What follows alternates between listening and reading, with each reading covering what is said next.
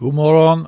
Vi ska titta på profeten Habakuk denna morgon.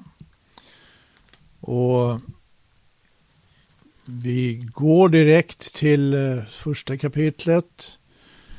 Det står så här att detta är den utsaga som uppenbarades för profeten Habakuk. Hur länge, Herre, ska jag ropa utan att du hör, klaga inför dig över våld utan att du frälsar? Varför låter du mig se sådan ondska? Hur kan du själv skåda på sådan orättrådighet? På det fördärv och det våld jag har inför mina ögon så uppstår ju kiv och så upphäva sig trätor. Därigenom blir lagen vanmäktig och rätten kommer aldrig fram. För den ogudaktige snärjer den rättfärdige. Så framstår rätten förvrängd. Jag tycker det här är värt att stanna inför.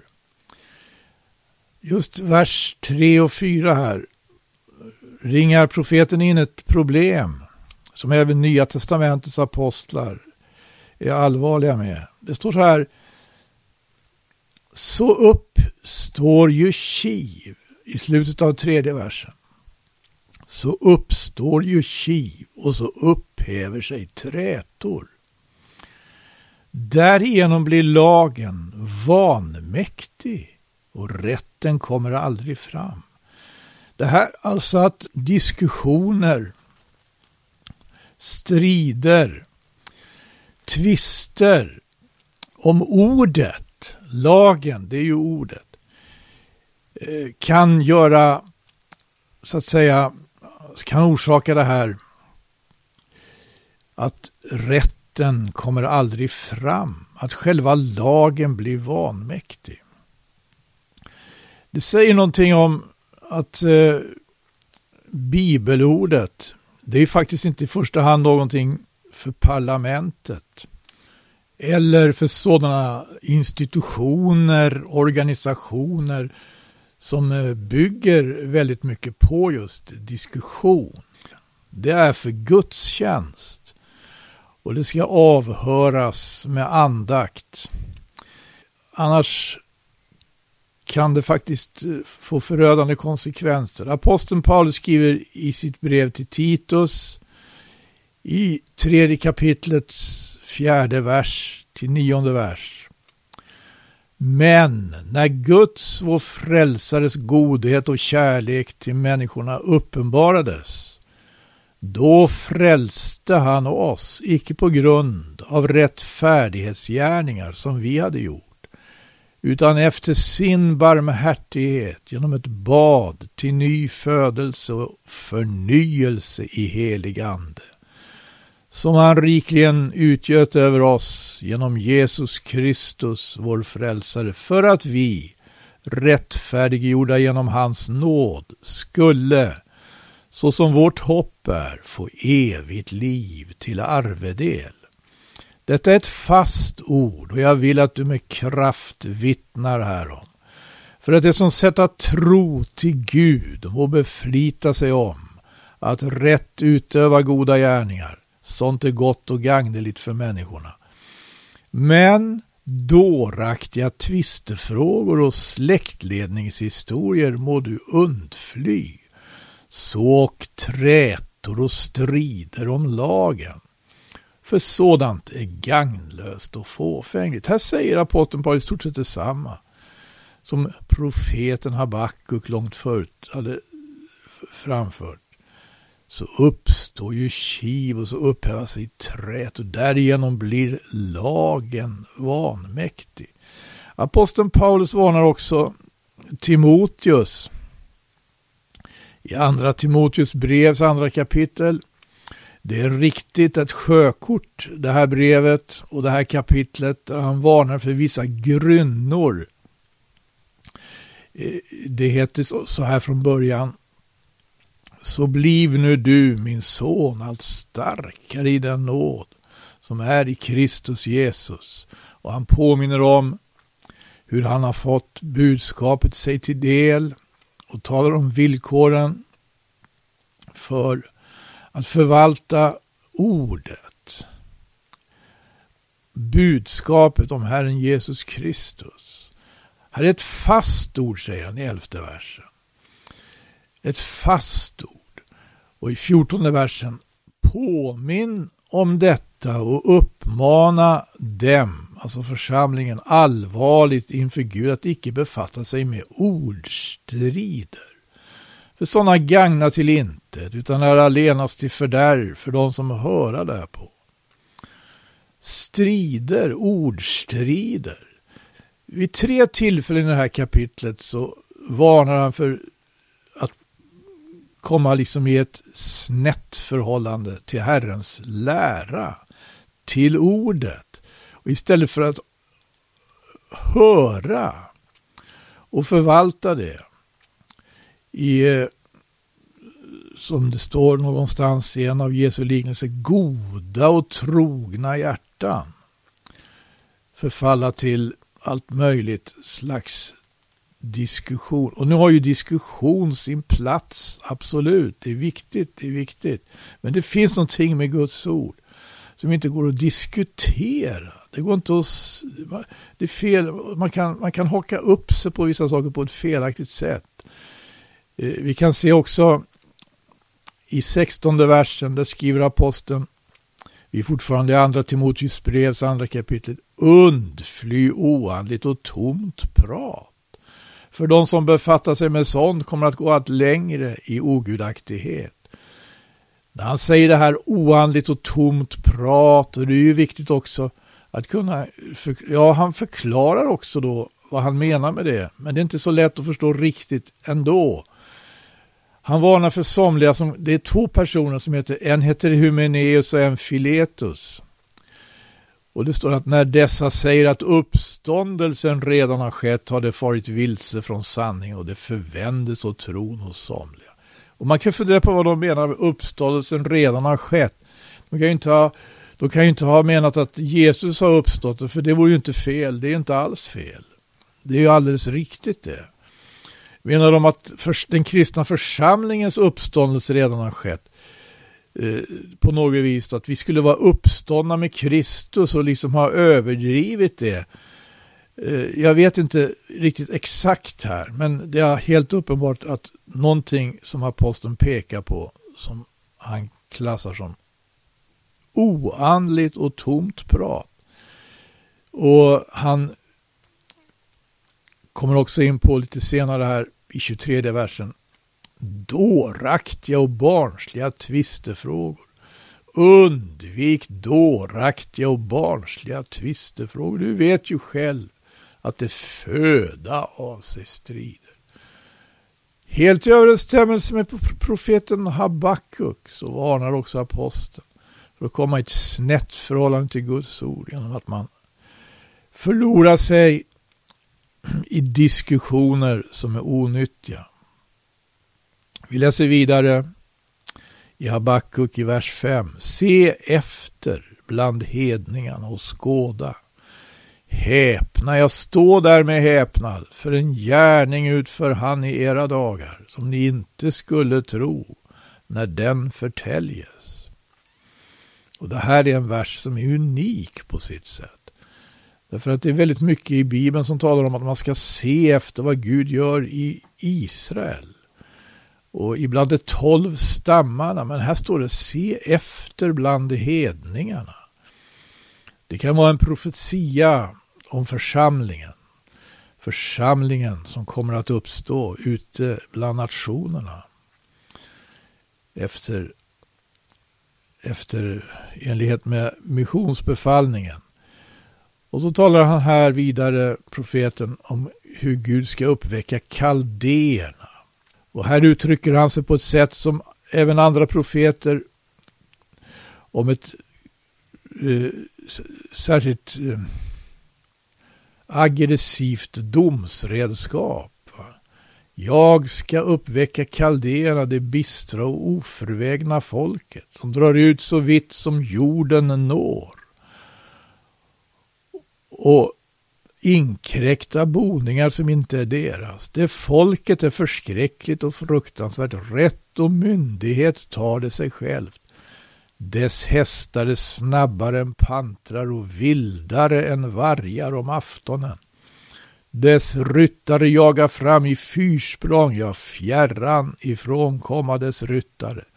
Det flyga åstad såsom örnen när han störtar sig över sitt rov. Alla hastade till våld, av sin stridslust drivas det framåt och fångar hopade såsom sand. Konungar är dem ett åtlöje och första räknade för lekverk. Åt alla slags fästen lede de kasta upp jordevallar och inta dem. Så fara de åstad såsom vinden, alltjämt framåt till att åsamka sig skuld, ty deras egen kraft är deras Gud.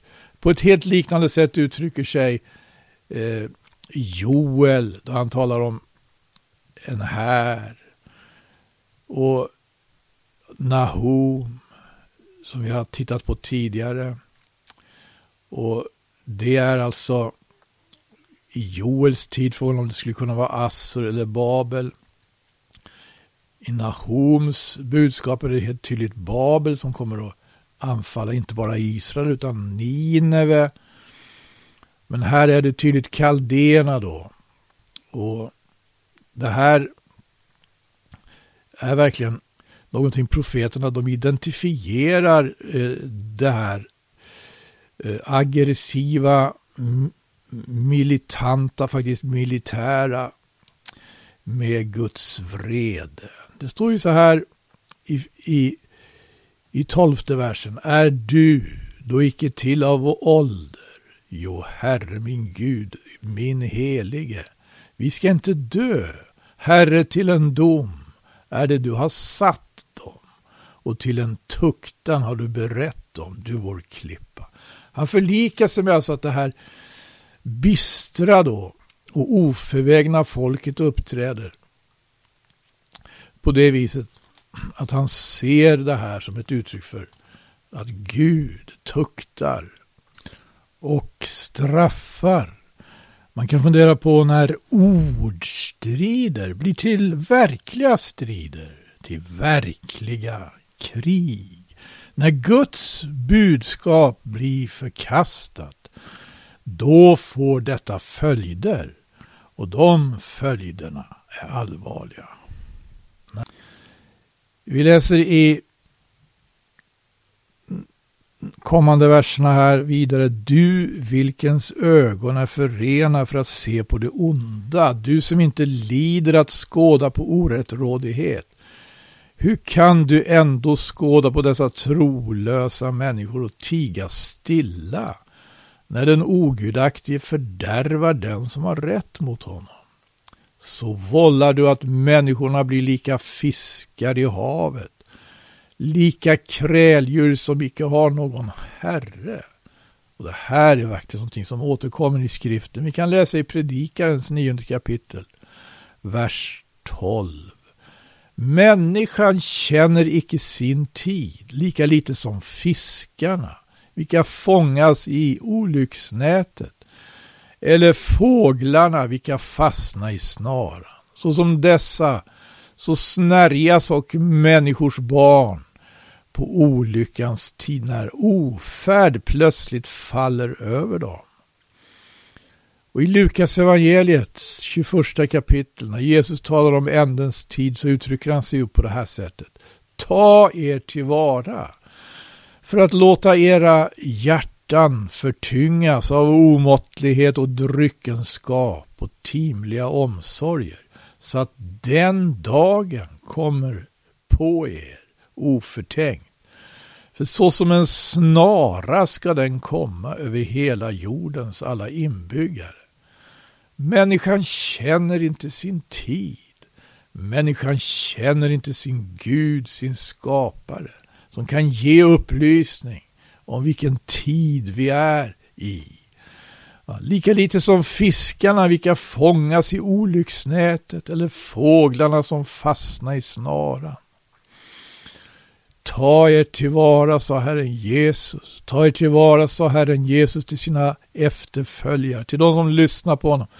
Ta er tillvara för att låta era hjärtan förtyngas av omåttlighet och dryckenskap och timliga omsorger.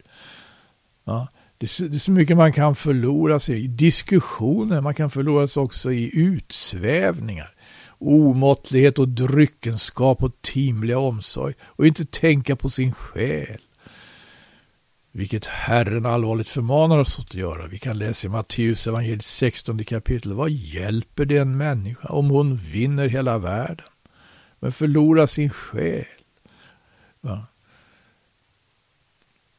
Vi ska icke låta våra hjärtan förtyngas av omåttlighet och dryckenskap och timliga omsorg så att den dagen, den dagen som är förutsagd, den dagen som enligt profeterna absolut ska komma. Den dagen kommer över oss oförtänkt. Nej, låt oss se till att den inte gör det. Låt oss vara vaksamma. Så som en snara ska den komma över hela jordens alla inbyggare.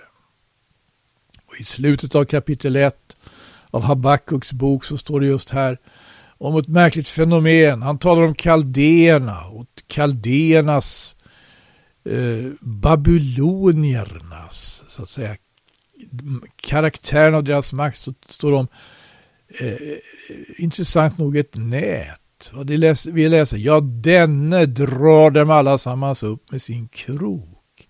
Han fångar dem i sitt nät och församlar dem i sitt garn. Däröver är han glad och fröjdar sig. För den skull frambär han offer åt sitt nät och tänder offereld åt sitt garn. Genom dem blir ju hans andel så fet och hans mat så kräslig. Men ska han därför framgent få tömma sitt nät och beständigt dräpa folken utan någon förskoning? Nej, Gud har satt en gräns även för detta Babylon. Vi ska läsa vidare i kapitel 2 här också. Det står så här i, i början. Jag vill stiga upp på min vaktpost och ställa mig på muren. Jag vill speja för att se vad han ska tala genom mig och vilket svar på mitt klagomål jag ska få att frambära. Och Herren svarade mig och sa, skriv upp din syn och uppteckna den på skrivtavlor med tydlig skrift så att den lätt kan läsas. Ty ännu måste synen vänta på sin tid, men den längtar efter fullbordan och ska icke slå fel. Om den dröjer så förbida den, ty den kommer förvisso den skall ej utebliva. Här säger han någonting väsentligt om den profetiska dimensionen i budskapet, synen som ska gå i fullbordan. Hur är det med den saken? Det här kommer även både andra profeter och även Nya testamentets apostlar in på just själva profetians karaktär. Och hur allvarligt det är att vi har kontakt, att det profetiska ordet och den syn som det profetiska ordet förmedlar har blivit, har blivit konkret för oss. Något gripbart och att det inte glider ur vårt grepp. Hörde ni vad jag sa där? Glider ur vårt grepp. Men det är ju det den gör. Den profetiska syn, den himmelska, den glider ur vårt grepp. Och det är olyckligt. Därför måste vi vara med om det som profeten Sakarja var med om. Gång på gång så måste den här erfarenheten göras. I Sakarjas boks fjärde kapitel heter det i första versen. Sedan blev jag av ängeln som talade med mig åter uppväckt, liksom när någon väckes ur sömnen. Vi måste återuppväckas.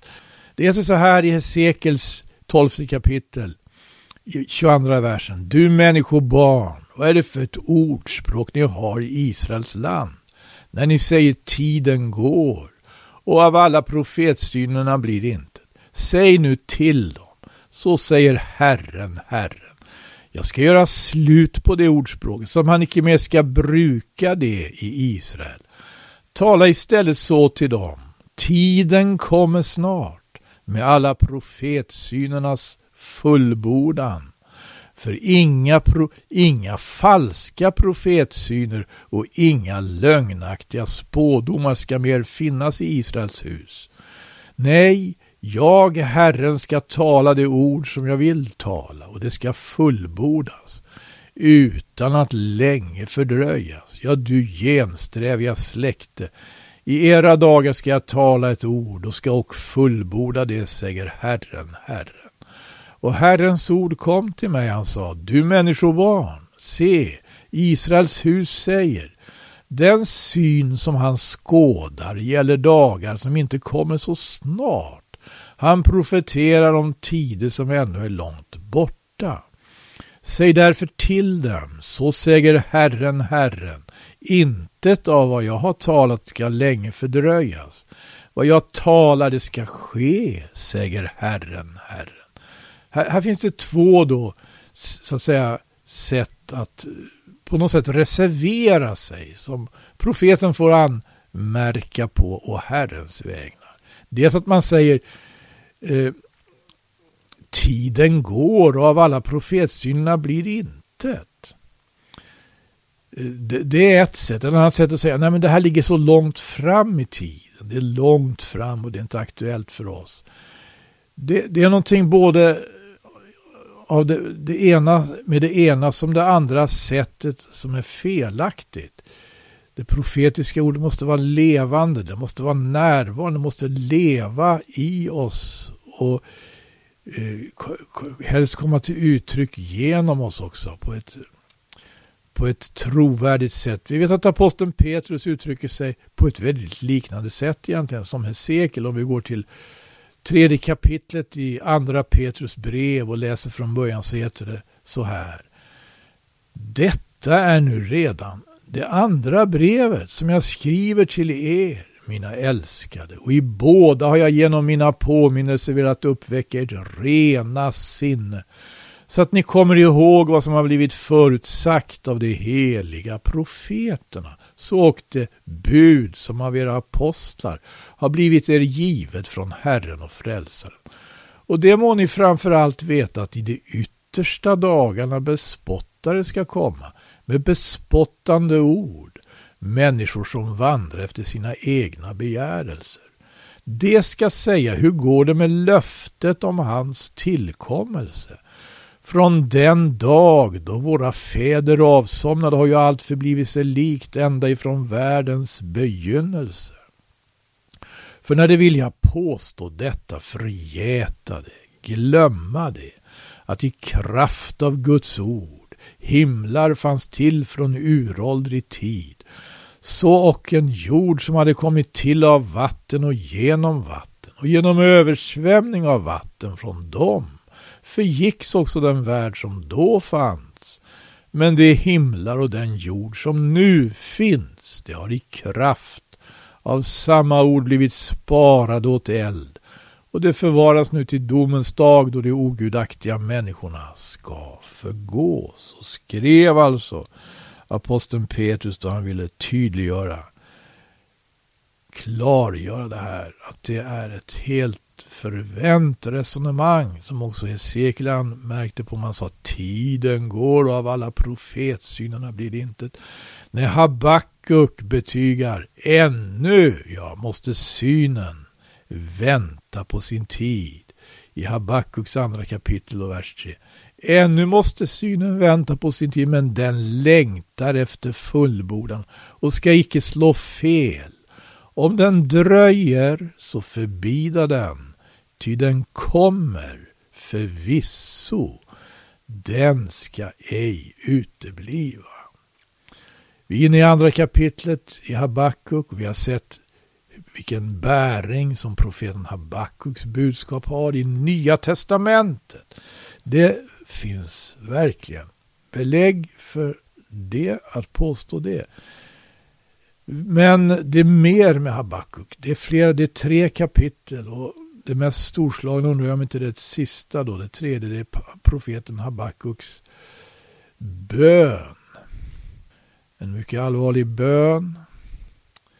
Och den har också särskild aktualitet, tror jag, i den tid som vi lever i. Profetens budskap börjar så att det är en utsaga som uppenbaras för profeten Habakuk. Hur länge, Herre, ska jag ropa? Utan att du hör klaga inför dig över våld utan att du frälsar. Hur länge, hur länge? Här instämmer han i ett profetiskt rop som går genom hela Bibeln. I Psaltaren finns det återgivet, återkommer det här exempelvis psalm 4. Ni herrar, hur länge ska min ära vara vänd i smälek? Hur länge ska ni älska fåfänglighet och fara efter lögn? Sälla.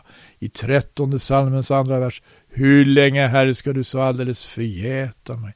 Hur länge ska du fördölja ditt ansikte för mig? I 74 salmens tionde vers. Hur länge, o oh, Gud, ska ovännen få smäda och fienden oavlåtligen få förakta ditt namn?